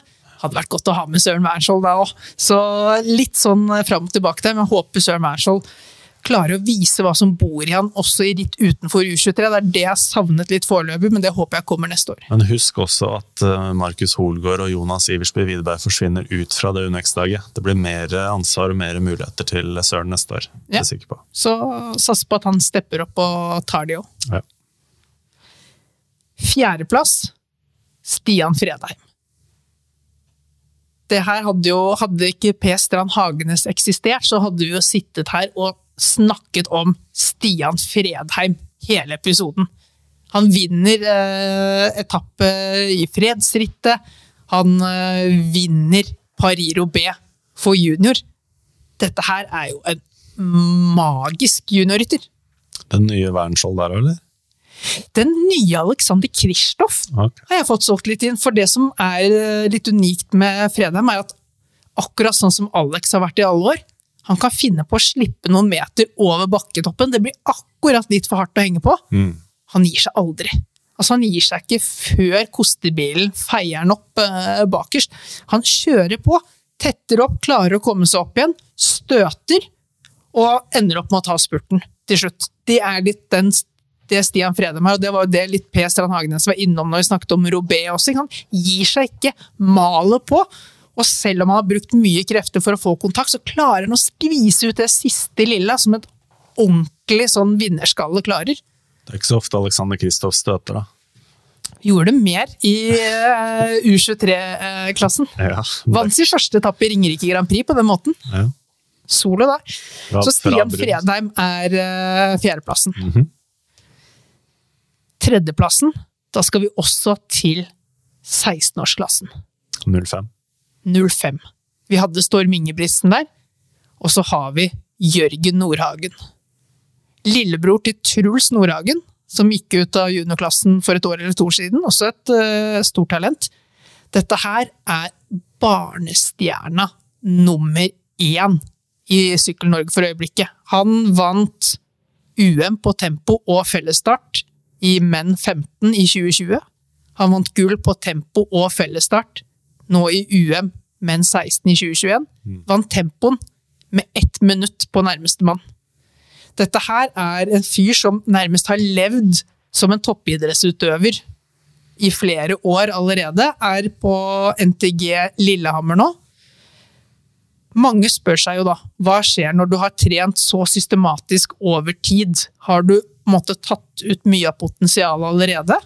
Eller der får du litt sånn Jakob Ingebrigtsen-effekt, at du faktisk har heller bygd et grunnlag som du bare kan skyte eh, videre på? Jeg tror jeg vet hva Stein Ørn hadde svart. Og kanskje Gjert. og kanskje Gjert. Eh, Så dette er en utrolig spennende type. Det som er, han vant eh, en etappe i Tour til fjells i juniorutgaven. Følg med der, folkens. Det er tips hvis dere vil se litt eh, inn i krystallkula dere også. Følg med på Tour til fjells. Det er så hardt ritt Altså hvis du får til noe der, så er ikke det snakk om tilfeldigheter. Det er snakk om motor. Og det som er litt interessant med Jørgen Nordhagen, han er jo foreløpig liten av vekst. Mm. Dette her er ikke noe fyr som har vært først ut i utviklingen, største mann i kullet og bare gønnet på ut fra det. Liten, ganske spinkel fyr foreløpig. Han har så trøkk på flatene, på tempo, at det ligner knapt noe. Så det her er den nye, store eh, vidunderet som skal opp i juniorklassen, og så er det så tidlig, og altfor tidlig i livet til å si om det ender opp med å bli noe fantastisk på seniornivå eller ikke, men det her er den neste store tingen, så Jørgen Nordhagen er det bare liksom å markere. Men jeg har et, et poeng der, for han er jo 15, så da har han også kjørt på dispensasjon i Tour de fjells. Han var 16 år, så kjørt på dispensasjon eh, i Tour de Fjells, 16 er og vunnet en etappe. Det er småfrekt. Altså, han støtet Støtet med Ola Sylling. Ola Sylling hadde riktignok vært i bakken tidligere, ikke brukt krefter på å komme opp. Ja. Støter seg med Ola Sylling, støter ifra Ola Sylling over toppen, og klarer å holde unna for en jaktende gruppe der eh, der Trym Brensæter kommer eh, først bak, tror jeg det var. Så vi snakker noen av disse her som har vært på dette juniorlaget som har dominert internasjonalt, fikk, ble altså satt på plass av en 16-åring tidlig i årets sesong. Jeg skal nevne at eh, pappa, Finn Vegard Nordhagen, Ja. ble norgesmester i fellesstart i 1989 foran Erik Brover og Pål Hisdal. Det er gener og det er kunnskap som har gått i arv i den familien. NM ble arrangert av Ullensaker sykkelklubb på fantastiske Jessheim. Fikk du solgt inn hjemstedet. Mhm. Ja, godt. Andreplass, Jarle. Mhm. Da skal vi til en personlig favoritt hos deg. Johannes Staune Mitte. Oh la la. Det er en bra type. Som eh, kanskje kommer hit i studio en vakker dag. Du jobber litt uh, jobber med det sporet der. Jobber litt i kulissene der. Ja, det er bra. Og jeg har jo selvfølgelig sikra eksklusivitet, så han kommer jo først til vår podkast. Har du vært uh, såpass raskt ute som Jumbo Visma der? For Jumbo Visma har jo låst Fått sett han i ett år nå. Funnet ut denne fyren her. Vi skal signere han et par år til på vårt kontinentallag, og samtidig et par-tre år eh, på profflaget vårt. Da har du levert. Da har du levert, og han har jo virkelig levert. Altså, han har blitt nummer eh, Det er så mye å plukke opp av ti i U23 eh, Lers Baston Lers. Dette er hans første år som U23-rytter. Mm. Eh, nummer fire sammenlagt med etappeseier i Ronde Isar. Vært med på laget som eh, vant Tour de l'Avenir gjennom eh, Tobias Halland Johansen. Eh, fire sammenlagt i et ritt i Polen. Altså, dette her er bare en klasserytter. En mann som var eh, essensiell for Tobias Foss sitt NM-gull på fellesstarten også. Han har bare levert hele sesongen gjennom. Førsteårs U23 gikk glipp av eh, internasjonal matching i sitt andre år som junior. Tar nivået lett som bare det. Og så har han jo svømt litt motstrøms på U23-landslaget, hvor Uno X har gått inn og kjøpt x antall plasser. og Han har fått sine sjanser der, heldigvis, men det er ikke lett å være en outsider når de eh, beste plassene til de største rittene skal deles ut der, og du sykler med feil trøye. Han har gjort seg veldig fortjent til de.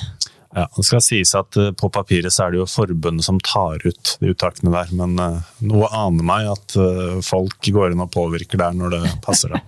Og så det som er en veldig viktig ting her, når vi snakker om talenter og disse tingene her, at, som er med Johannes Staune Mitte, og som jeg føler at er med eh, Per Strand Hagenes og en god del av disse andre talentene òg, er at de er voksne og modne for alderen. Og det er så viktig, for det er en ekstrem ting å skulle bli en toppidrettsutøver. Jeg sitter her 33 år gammel og blir fortsatt sett på som et slags talent ute i det faktiske arbeidslivet. Hadde jeg vært toppidrettsutøver, så hadde jeg vært over the top nå. Jeg måtte vært enten ufattelig god selv, eller vært god til å dele av min kunnskap til de unge for å ha hatt en verdi eh, i toppidretten med den alderen jeg har nå. Disse her er er på mange måter på samme steg i sin karriere som jeg er i min. Jeg er 33 år, disse er 16, 17, 18 år. Så det krever at du knekker noen koder tidlig i livet. Og derfor så har eh, fysisk talent, treningstalent, men også personlighetsdelen har mye å si for om du lykkes eller ikke. Og der føler jeg Johannes Staune Mitte sjekker alle bokser der òg. Veldig trivelig fyr, altså. Og tror han har funnet seg veldig godt til rette i Jumbo Visma, og det er ikke overraskende, for han er en fyr du vil ha på laget ditt. Og han sykler også for et veldig godt lag, da. Så Altså, han er jo på toppen. Jumbo Visma. Vi kan jo argumentere hvem er det beste. Er det König Quickstep? Er det Jumbo Visma? Er det Ineos? Med det her er jo Jumbo Visma er det eneste som har et U23, rent U23-lag av disse lagene. Han har kommet inn på det beste systemet som finnes der. Du har vel ikke røpet det allerede, men jeg tror jeg har en følelse av hvem som topper denne lista. Har, kan du gjette det? Kan det være den nest største idrettsprofilen fra Sandnes i øyeblikket? Per Strand Hagenes får førsteplassen. Vi har vært gjennom sesongen med han, vi har snakket om talentet, det er ikke så mye mer å føye til. Legge til litt statistikk, da.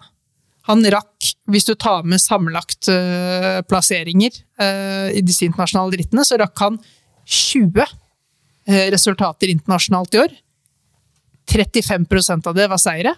60% var pallplassering. 70% topp 10. Du skal få en oppgave fra meg. Fra denne lista, hvem tar den neste norske etappeseieren i Tour de France? Fra denne lista her, så er neste etappevinner i Tour de France Søren Wærskjold. Ja.